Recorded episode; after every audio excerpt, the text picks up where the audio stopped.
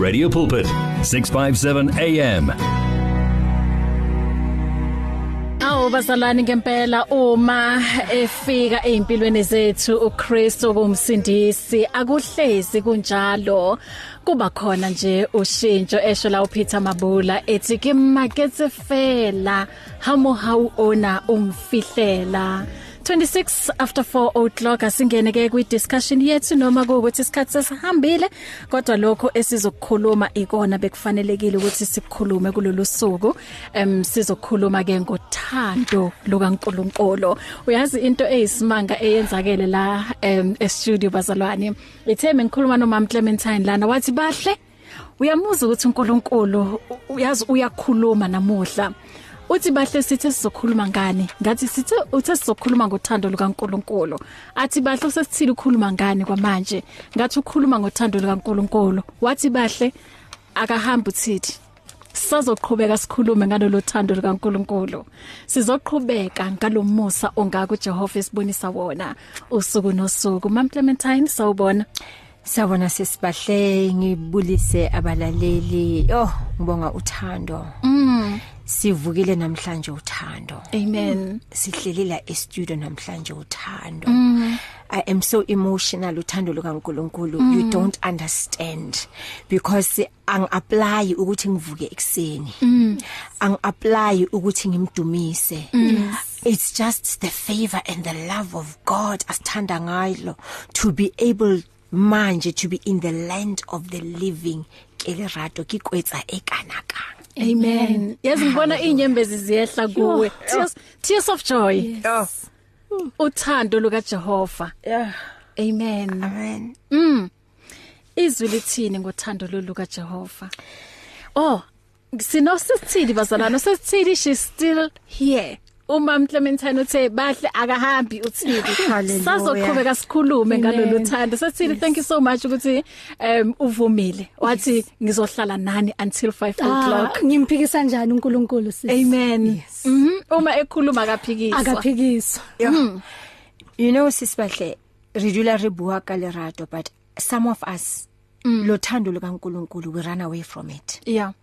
Ke tse ke dutse molenyamuzwa usisithidi uthi yena waflathela uNkulunkulu. Kodwa isikhathi safika whereby she had to seek this God. Amfune. Wade wamthola. And itse makamthola uJehova azange azathi kuye uyakhumbula uke wangiflathela. Yeah. but lo thando lukaNkulunkulu the compassionateness of God the compassion of God Yes. embraced her back. Oh, yes. it took her back. When we go to the book of Exodus chapter 34 verse 6 uMose is exclaiming the same thing. Uthi and the Lord descended in the cloud and stood with him there and proclaimed the mm. name of the Lord u verse 6 uthi and the Lord passed by before him mm. and he proclaimed the Lord the Lord God a merciful God yes. uNkulunkulu onomusa Amen. ke lerato la modimo leo le ha sa tsamaile ke mo mametse osidi uthi ke tsamaile ngashayeka ngizikhethele. Yes. modimo wa re dumella ka nako ukuthi sizikhethele. Uyasivumela ngesinye isikhathi ukuthi sicele uye the very same devil athi ngicela ukuthi ukumyeka yenze ando yakhe. uJehova athi ngizomyeka kepha awuthinta umphefumulo wakhe because uJehova uyazi ukuthi usanenjongo ngawe. And uthi ngizikhethele katsamaya kayilobhesuka muthoko tronkong bona You know when you talk about this love, yes ushayekile in your decision. Wamfuna uNkulunkulu, but lo muntu lo oshayeke ngaye naye there's something ayibonile ngalo uNkulunkulu that deserve. Yes. There is something yes. that God has ministered Amen. to that person. Amen. It is a two-edged sword. Ishaya ngapha ishaya Oh, on the other end Jesus. ayishayi ndawonye kuphela lerato la modimo. O tla ruta o abaru noma ushumayela uzoshumayeza the masses but when that word goes out ishaya kubalaleli iphinde ishaya nakushumayela Yes. uthando lukaNkuluNkulu. The the mercifulness of God mosa wa modimo. Yes. Ke mos are he's a merciful God. Yes. sithi makibua ka mercy. Did you see the mercy of God? Oh mama i did. Oh mama i did. Se- ke na le shame. Ke sa tsebe ke tsamaye kae. Ke feel o ka ke naked o ka ka apara. Ka where do i even begin? Ho bua le modimo e leng khale ke sa buile. Hallelujah. Ke qala kae? Jesus. I opened the bible. Ke sa tsebe le hore ke bale kae. Hey. I read the book of job. Ah hallelujah. I spent days and nights reading the book of job. Yeah. Ke yona emphamisitseng ke wele ke na le dihlong. Yeah ke feel ka ga ke motho. Ke tshewa ke o batho tsotse. Ke tsotse. Yeah. batho ba re a ke re mara o bolelletse. What were you expecting from a prisoner? Pe ke re mara modimo ke tla ho wena. Ntshwarele. A hona taba. O ile kwa that prisoner but what you showed him in a little rato tla ko boleletsa tsile leng ka re ke bula bible because when i read the word of god i read as the spirit leads. I'm not even good now with memorizing the verses and i don't even know where the scripture is. Yeah. One day it's a ke bula bible. Then ke bale the scripture ere. Jesus was talking to someone there. I don't even remember who he was talking to. Because i when i was hungry Yeah. and you gave me something when i was hungry you gave me something to eat. Mm. when i was thirsty you gave me water to drink. Mm. When i was in prison you came to visit visited. me so do not worry your reward will come from me hallelujah And then this person that is talking to Jesus, ah, but Lord, when were you ever hungry and I fed you? When were you ever thirsty and I gave you something to drink? When were you ever in prison mm. and I visited you? And then Jesus said, when you visited one of my children in prison, you visited me. Oh, you did it when you me. fed mm. one of my children, mm. you were actually feeding me. When you gave a drink to someone who was thirsty, you were, you were giving me, you were quenching my thirst. O khutlisetsa ho Genesis Yeah. let us make man in our image and mm. likeness mm. so whatever you do unto your fellow man uh-huh. you are doing it to God, To God. because that person has the image Yes. and the character the yes. likeness Yes. of God mm. oh Jesus Amen. ao re a lebala re le baina Mama ra lebala ra lebala re batla dintho tsa lefatshe. Ha re qale ho modimo.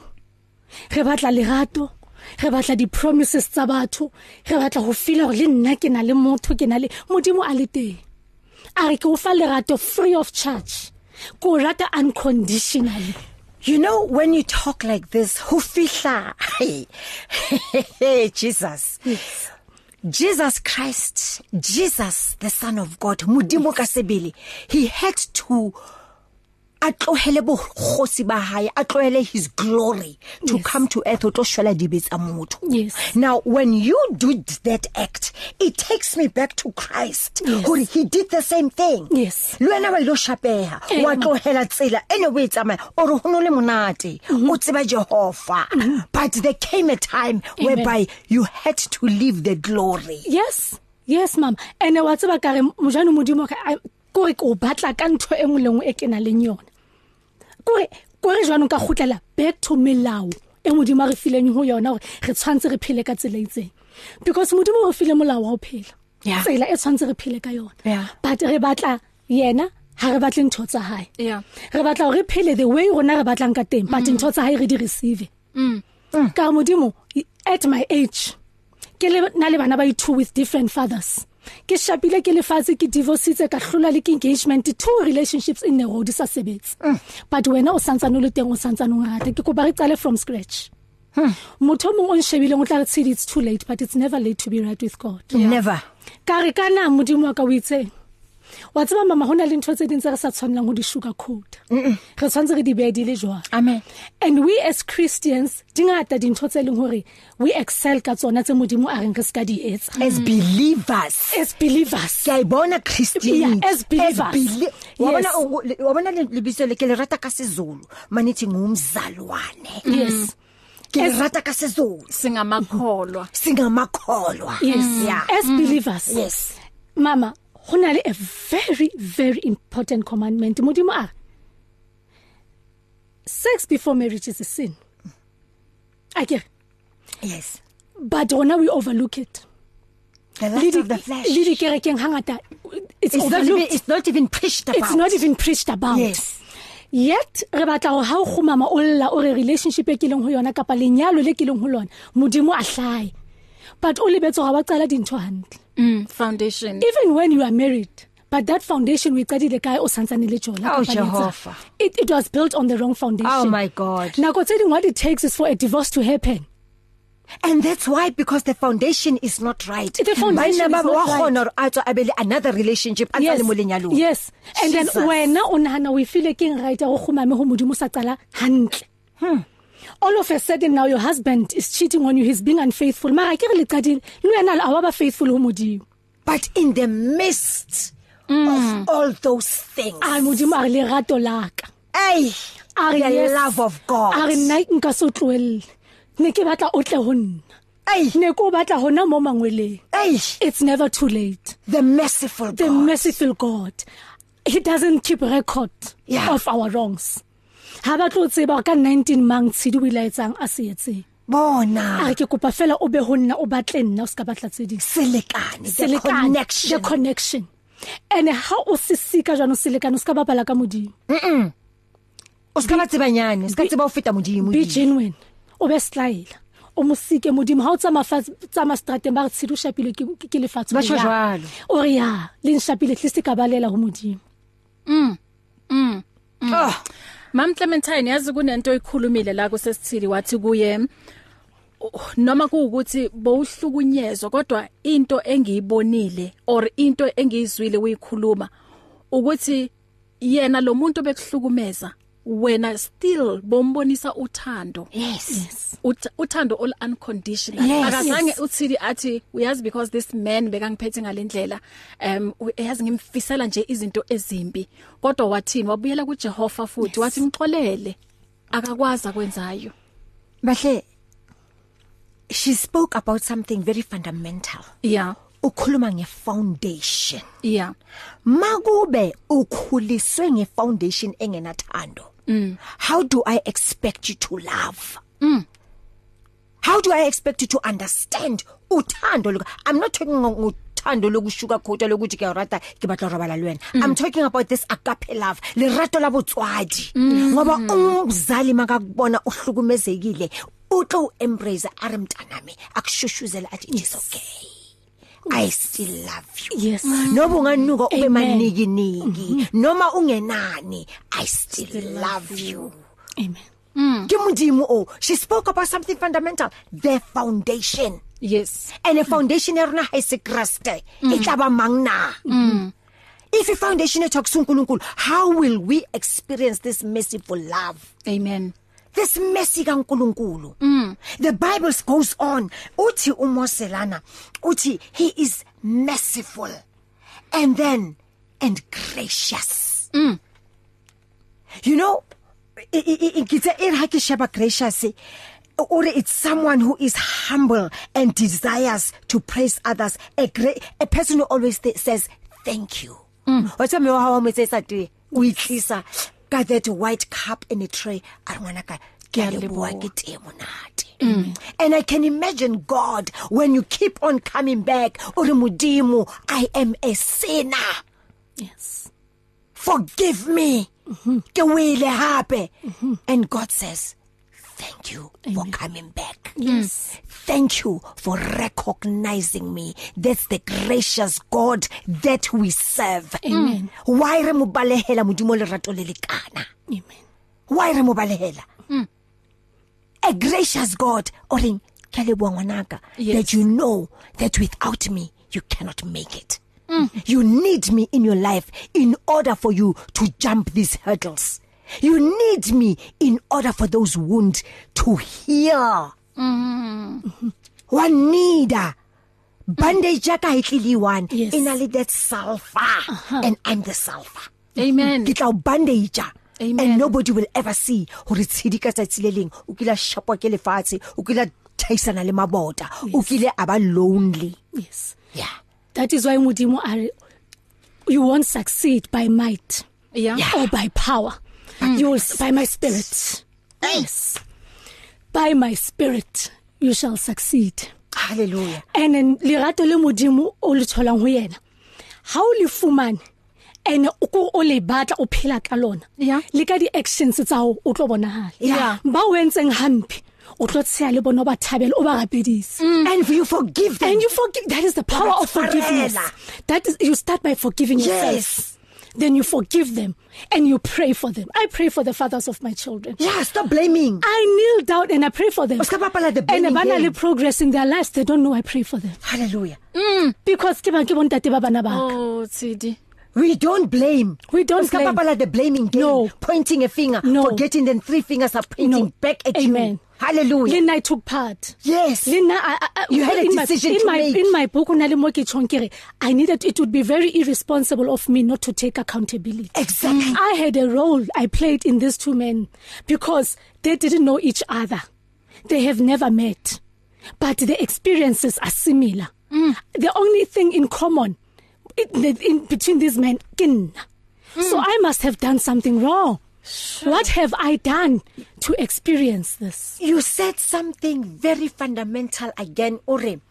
You have healed. Yes. And because you have healed, you are going to attract people who are healed, not broken people. Yeah. Amen. So, which is saying something, Ore.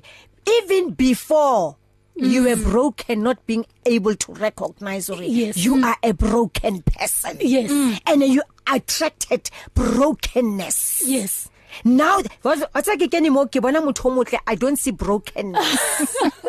hey, hey, the love of God, Amen. the mercifulness of Yes, God, amen. the graciousness of God. Yes. Modimo o reng ke a leboa tshidi in the midst of everything wanaka you Ke recognized me and ke a rata for that. Yes.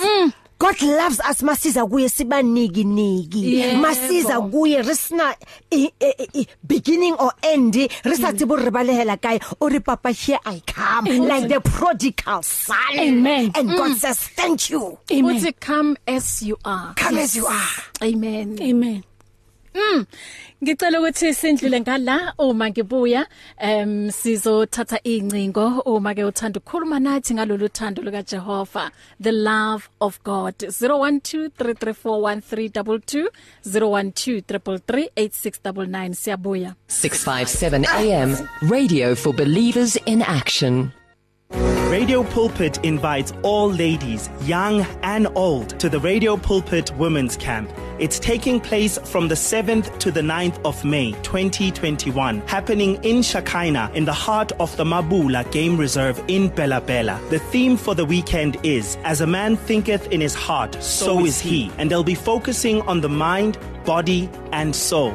The main speaker will be Madam Claudia Sono with a workshop presented by Rudy Geldenes, Mancha Piha, and Pastor Clement Massina. Come be part of this power packed program. The cost of the camp is 1,500 Rand per person, with an additional 250 Rands for those who need transport. Book your place with Zandile on 012 334 1231 or send an email to zandile at radiopulpit.co.za. 012 As easy as the Oh. touch of a button, the message of life on 657 AM. 0123341322 ungashayela na ku 0123338699 ungathumela your voice note ku 0826572729 itelegram leyo bazalwane 0826572729 usemoyeni sawubona Nkosazana, Kalimambo eh uyakhuluma uNkulunkulu namuhla ah uyakhuluma baba mm kakhulu. Eh manje ke la ukhuluma ngothando. yebo uNkulunkulu. mm Lothando lukaNkulunkulu lona lelo lisebenzisa bomama lisebenzisa bobaba. mm Lolu thando lona lisenze sibathande nalabo ababoshiwe ngoba sithi sibathande si- sibe no uthando lukaNkulunkulu luba nozwelo nkosazana. yebo Eh uthando lukaNkulunkulu liyazi lo thando lunganazwelo suthando lokho. mm Eh manje ke omunye uba omunye mama wena umyeni wakhe babuya lezini lemakhelwane la. Manje ke ubaba esebenza imali ngifuna ukusho ukuthi ukuphi esebenza emalini ubaba. Ubaba wabona isinanakazana. Siza lapha sekosiza la seyemalini la. Ubaba wasithanda lesi sinanakazana lesiya. Wayenza nendlela ukuthi isinanakazana sishone lendoda. Indoda yashona kwajabula lo yababa lo. Wona manje mina seyini manje? Wacosha leya mama wakwakhe lokuthi hamba ekhaya wena le ehala uyolima le. Hamba le wahamba umama. Ubaba wathuthana ngesinalakazana bahamba bohlala la bahlala khona la ka kamtabuhlala ka khona bomntakabani wahlala lapho baba ngelinye ilanga bamthatha wayesibhedlela ubaba udokotela wathi lo baba udla poison. Ubaba washona. Uthe ubaba mayishona lapha ebhenkeni lakhe kwakhitha imali sihamba esikhulu umama le wabona seyamukela isidumbu sikababa. Uyabona manje uthando lolu kufuna silusebenze ngendlela. Singabe namathando sibe nothando luyiwona kankulu loludalwa yizi kankulu kanti mongozeza Kalimambo yeah agape love. Wow. Agape love mm lalela la untokozo mbambo uthini? Uthi he loves you. Ay mm 0123341322 If you need prayer, please send your request to prayer at radiopulpit.co.za or WhatsApp 067-429-7564 or go to Radio Pulpit website on www.radiopulpit.co.za. Reach your customers in the car, at the office, at home, or wherever they are, night or day. Through advertising with Radio Pulpit, you can reach a large, unique, and loyal audience in a most affordable way. With over 500,000 people on our various platforms, from Gauteng to the Cape, you simply cannot go wrong. So advertise today. Contact us on 012 334 1339 or for advertising packages that we offer, go to www.radiopulpit.co.za. Terms and conditions apply. The words of the Lord are words of life. Your heart is on 657 AM. Oh sisithidi you know wafika yazi wafika uJehova Yes. and he delivers he deliver he delivered you kuyo ku- kuma pains. Yes. Um ekhaleni kwakho. Yes. sikhuluma ngani la? Ngothando ngothando lukaJehova lukaJehova mm ithi ngithatha umunye la elayinini. Sawubona Dumela? Dumelang Dumela? Harame le kae? Re teng le kae? Re teng. Mm. Eh ke rata baki ba sestile mm. Le dinete tsa di bolelang mm. Eh ke nnete. Hangata last ke na ke na le matsatsinyana ke utlwa my son says psychologist said to him o attracta batho ba ba ba ba ba ba broken always. Mm. And then le nna be ke re no ho ra hore ho beyang mm. But some other time hona mo radio pulpit ke a utlwa hore nna eh, di-signal o ntse o di bona gore mo ga tsone but Mm. we we ignore them so e ke mo go nna yaanong e- kore ke confirmation ya gore ke nnete Mm. but re- re no re a tsenelela ntse o bone gore mo ga tsone mm. o etsa tsa gago o re modimo tla di beya stempen o tla loka motho ga ke a rapela bo tla loka and e be re kena I still remember ke member ya yana bahle. Mm. Re na le bo mama mo. Ya some other ladies ba no kena mo lenyalong. Ke dinese mara motho ha e di-testing tsa HIV mm Yes, a re modimo ha se ka looto ka letsogo le ka looto wa rahela. At the end of the day o iphumana e le gore o kene lenyalong la ntate wa limphotepiti mme na tlhokoketse ka HIV ntho tse tshwanang le tseo ka nnete di tlhoka gore di tlhokomele mm and skaramatic and ke rata le spirit sa gore o ya mo tshwarela because always ke rata go botsisa gore na motho o a dififi o o etsang ka ena ko bofelong ba letsatsi because batho ba mofuto o, he was wounded Mm. and o santse a gobetse ba tlhoka thuso ya rona. I still remember bopaki bo bongwe re le social media ke botsisa eh, mme nka se bue ka lebitso mara ke moruti ona mo pulpit mm. Ke re ya teng ka bontate ba bana ba gago ba ba ne ba o abuse mm. Hallo ma. Ka re ke ne yo ugawhile okay. Maybe uzobuya futhi um 0123341322 sikhuluma ngothando luka Jehova namuhla. Mhlambe nawe nobufakazi ukuthi wali experience ngayipi indlela o uNkulunkulu wazibonakalisa ukwesiphi isimo wabonakalisa uthando lwakhe. 01233869 0123341322 ngino Sisithidi Monkwe kanye nomam Clementine um Musimani eh, sixoxa le ndaba. Salimzuzu embalwa uma ke us- usathanda ukungena um sizivulelwe incingo mama lo besikhuluma naye eh before ukhatha lana eh, ngathanda ukuthi abuye futhi ngoba indaba yakhe ngathi bekasaqhubeka eh, ekhuluma kabanzi. Sinemizuzu nje ngathi plus minus um 9 minutes so asimsebenziseni ke lo 9 minutes 012334 1322 012 8699 ungathumela ne voice note ku Telegram uh, ku le number 0826572729 noma u text ku 37871 Mam Clementine the love of God Bahle. Mm. The love of God. God is not only merciful. yeah He's not only gracious. Mm. But the Bible says he is a patient wow God. wow Ona le mamello. yes Amen. Yes. Ona le mamello. Yes. You know patience yes. is something ka sekgwabare is a virtue. yes Patience mamello e modimo ana le yona ke makatsang. yeah cabanga ukuthi ke ha ikae re moleo fela Mm. Akas he doesn't come for the rapture because he's a patient God. Kukhona sabalindile. Yes ukuthi bamamkele so that they can experience lo thando lukaNkulunkulu Yeah. he is a patient God. Hapotlaki amen. Hapotlakele dintho Amen. re shebile ntse re I am still waiting Amen. patiently for you yes. to realize ore I am a loving God amen Amen. I'm gracious to you. Amen. I am merciful to you. Amen. Come to me. O tlo nwa lebese le sa le senanteko. Athi le sa rekweng ka chelete. Yes. O tlo le fumana mahala. Amen. Athi come. Mm. O letile tshidi.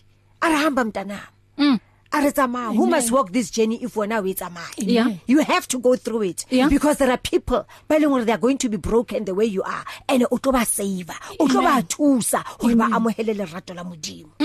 And he has been patient with her. yeah And le ha ntsa gutla even the journey that we are still traveling with God today he's a patient God. It doesn't make us perfect. amen We are not perfect. Re sawa, re sa gotswa. Sisawa sithi baba ngisabambelela the hem of the garment. Ngiyabambelela kyaphahama. Ayeme Jehova awulete. Awulete uyeme. Qale ka lutulo eyi1 kube nzima ukuthi uphakame but because he's so patient God is going to wait for you until ume ngeenyawo ezimbili. That's the God that we serve. amen Till he has experienced that patience. Ya o jwetse he mama. Eh, Jwanong he modimo. Wa bona ska o o patient. yes. Nna ke bone gore ebile he does more than waiting for you. Yeah. Nna he came for me. Yeah. O bone gore o ka re tshidung ka nako. O o ntsa ya back and forth back and forth le motho ke le teng. Yeah. And he dragged me out. Hey. And o tla o hula man. O tla o inola. Anghula. A o inola. Ya, anghula wa bona ho wena ke tlo o ntsha bana ke emetse o intsha o tla ho nna. O nka go senya nako. Yeah. A bona ho senyeya. He came and he dragged me out and I felt it. Yes. When God drags you out you will feel it. Ho sala nama. Ho sala na. Ho tswa madi. O tlo jwanong mo he ke I'm bleeding. Ha ona mo ke sa bleeding. teng. Yeah. O batla o khumame fatshe mama ne ke rapela ke sa khumame ke itahlela fatshe. Yeah. O sena power ya o yema. le gona tse ke sa rapela jalo na ke khumame ke itahlela fatshe ntse mangwela ka ko Yeah. o ka nsheba lona tse mangwela ka matso Yeah. ke sa le busy ka di alo go kwa lokise Hallelujah. because ke phela mangweleng Jesus. itse hang hula ka re ke sa khutlela morao. Ke dula mo modimo wa ka ntshwarele. Ke batla go dula haufi le wena. Ha o sana mo ke batlang ho ya teng. Ke motho ke a tseba diphoso ke a di etsa. Ke kopa o mpona o nong hule Yes. o nong hule o nhulele morao o nhulele ho wena. Life and death is in the power of the tongue. What I give you the desires of your heart. Yes. So when a desire ha o Amen. modimo keng. Modimo ha ke wele ntloelle na. But wena re utse modimo ha ke wa. nong hule Nong hule, nong ka mokgwa o hule. Drag me along. drag me along and i want to be ko ke jetse modimo ka ke kopa go ba right next to your calf Hallelujah. ha o batla ha ona mo ke batlang ho ipona ke le teng ha ke khumama nna mama ke rapele ha ke re modimo ke kopa o nhlonolofatse ka molekane eh eh ke ene molekane wa ka Yeah. Ke right Ore ha o phethahale thato ya hao. ya let thy how will be done yes ke Mo when, bophelong ba ke ka. when your spirit speaks to me i will trust and obey Because my spirit ka re se a doya. eh Mara sa hao se perfect. se perfect Hallelujah. Mm. Hey Jehova Ayi. hey lo nkulunkulu. Ayi. omuhle onothando. Ayi. anataba Ayi. wentseni Ayi. bona mzalwana angazi ukuthi ukuphi. I don't know what your experiences are. Lento enza ukuthi ungayi kuJehova ekudonsele emuva. Siyayinqamula namhlanje with the sword of the spirit ngegama lika Jesu Christu sithi let God drag you out of that situation. Let him pull you out of it. Akusondeze kuyena. Na uvume. Don't be resilient. Vuma. Don't resist ore Amen. baba yakha i'm coming noma ngahuzuka Amen. ngidonse ngihuzule Yes. i'm Amen. coming along with Oh, you amen. Jehova umuhle olerato lerato la haya lirekwe lerato la haya lina dipolelo angeke azakukhumbuza ukuthi ubuyapi No. haleluya Amen. Ngicela ukuthatha omunye la. Um sawubona semoyeni. Nkosazana Kalimambo. u- u- umfundisi wami lapho sithi unothando Amen. welo Mm. Unothando umuntu bathi kunothando basho umuntu onjalo. Yeah. ya unothando. Lo uyabona umunye ubaba wathi hamba esigangeni kusho omunye umbishop wami lo. Uthi wathi hamba lo esigangeni wathola ingwenya. Mm. seyilambile yaphuma yazingela or ya ilambile ingwenya. Ilambile ithi mngani sengiyafa ubaba wathi ha uthi manje ngikwensiza athi uma ungangithwala nje ufika lapha emanzini ungilahlele laphayana kuzoba rayi ngiyobona ma ngiyothola ukudla laphaya hayi ubaba waba nozvelo wayithatha leyo ngonya wahamba. Manje udlule bantu bathi yawona anti umsheshe shadayana leso. Aka hayi nasho lahlela la matini ndahuma sosinyama kwakulahla nje umsheshe sakudlaya inyoka. Wa baba waqinisa umthathu wahamba ubaba. Lale ngoya ngafika lapha emanzini nje Oh, yila uyayilahla ithi hayi ngenanyana kancane lapha yajika lapha emanzini uyabona manje ke zonke izinto lezi ezizifuna zifuka la zijike nebhizinisi ungalifuna nje lifike likujikela ujikelwa umuntu kuphela lifike lijike nje phambili inyana nje mhlawumbe uboshe uboshe lebhizinisi lakho kanti mambozazana Kalimambo. Siyabonga baba. Mm, uthando lukaNkuluNkulu lolo. Uthando lukaNkuluNkulu alushintshi. Eh uthando lukaNkuluNkulu alunakhala, uthando lukaNkuluNkulu alupheli futhi aliphelelwa amandla.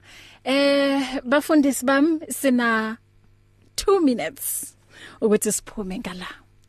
Mam eh osidi uma sivala indaba yethu the love of God ungathini kubalaleli ngithi mina the love of God will also restore everything that you've lost mm. he says that in the book of job yeah. that i will restore everything that you've lost mm. wena nje izagame Yeah. kubalaleli ngithi normalize reading the word of god Yeah. ujule ukufunde izwi likaNkuluNkulu uNkulunkulu he is the original motivational speaker and life coach mm. he is everything that you need and ngiphendule quickly kunekhola eyafona ngathi siye sakhohlwa ukungena endabeni Oh umama yes umama ukhulume ngokuthi kunomuntu wangena ku relationship nomuntu oHIV positive eh asingamceki. Yes. Because lo yamuntu one HIV positive naye umntana kaNkuluNkulu. Amen. uNkulunkulu uyamthanda. Amen. naye uyadeserve ukuthi athandwe nalo ongena ku relationship naye asingamceki ngoba up- umupha uthando lo alidingayo. Amen. kunama precautions nje kuphela kufanele ukuthi bawathathe kodwa uNkulunkulu usithanda sonke whether you are living with a disability whether you are incarcerated whether you are HIV positive or whether awuna nix uswele nje you are destitute uNkulunkulu uyakuthanda ufuna nje uguqe uze kuye. Mm. Amen. Haleluya Mam Clementine? Ya Mzalwane buphilo kibuphilo impilo inzima iyenzwa yithi ukuthi ibe nzima. Amen. Ngithanda ukusho ngithi mvumele uJehova akuthande. yes akunandaba ukuthi wenzeni na? Akunandaba ukuthi u- whether you are divorced whether ushade kayi3 whether unabantwana bayi6 with different fathers bona mudumelle Jehova awurate. Balekela kuye let him love you. Asisena sikhathi kulomhlaba. Akekho umuntu ozokuthanda njengoNkulunkulu emhlabeni. Akekho umuntu ozokunakekela njengoNkulunkulu emhlabeni. Akekho umuntu ozokuthethelela xolele njengoNkulunkulu emhlabeni. He's a loving father. Uthi i'm a father to the fatherless and he is a husband to the widows. Mamela mvumele lo nkulunkulu. Don't run from him but run to, To him. him Amen. ngiyakuthanda mzalwane. Amen. Amen. Amen. Mam Clementine utholakala kuphi? Yazi ya, s- sine 2 weeks sisonke. Kodwa ngazi ngibuze. bakuthola kuphi uma ungekho eh live studio 065 mhm 730 mhm 8501 um 0665 730 730 85 8501 01 yeah ine WhatsApp ke leyo. Mm. Amen. Sisithidi thank you so much. Mom Clementine mina nawe sisonke futhi next week. Sisithidi thank you Yebo, ukuthi sis. uhlale nathi for the whole 2 hours ngiya ngisaphinda ngithi how can i say no to god angisho ushilo ngi- Obedience. obedience Yes. Sisho- ngishilo umama uthi u- u- u- uzwe into mangithi you attract who you are yeah so nayi le attraction Yeah. I- i- iyalile nje ukuthi s- s- ngihambe Amen. yabona amen nokubonga mina kakhulu sisibahle ngiyabonga sisi Amen. uNkulunkulu akubusise mam Clementine i'm humbled what an Amen. honor to be sharing a room with you. Amen. And this time slot liwena. Mama i am humbled. Ke hotse looking up to you Oh, my word. you are such a blessing thank you so amen You are such a blessing. Stay blessed. May you be blessed abundantly. Modimo awokeletse matsatsi ya bophelo. Lwena modimo must increase Yes. in your life Thank in you. all areas of your life Thank you. le lenyalo leo le tlang Amen. Thank you, that good husband Thank you. o shapilweng ke modimo when the character of God is coming Amen. Amen. Uyenza ke uPastor Ray Khodi njoba ke lishayile elesihlanu ihoro sohlala nawe until 7 o'clock mina nawe sisonke nakusasa ekseni 4 am until half 5 God bless you let us continue to celebrate loluthando sisho no Helen M ethi celebrate It's difficult to face the overwhelming pressures of life alone. Sometimes we just need someone to talk to, someone to listen to us. And what better way to do that than through a quick and easy WhatsApp text? Whether you're having a hard time coping with school, family issues, being bullied, depression, or anxiety, speak to someone who cares today. Send a WhatsApp message to 064 530 6805 or 074 995 9085. Our I Am Youth Counseling team, Charles Dudoy and Danny Vambili, are ready to connect with you today. You're at 657 AM. Radio caring 24 hours a day.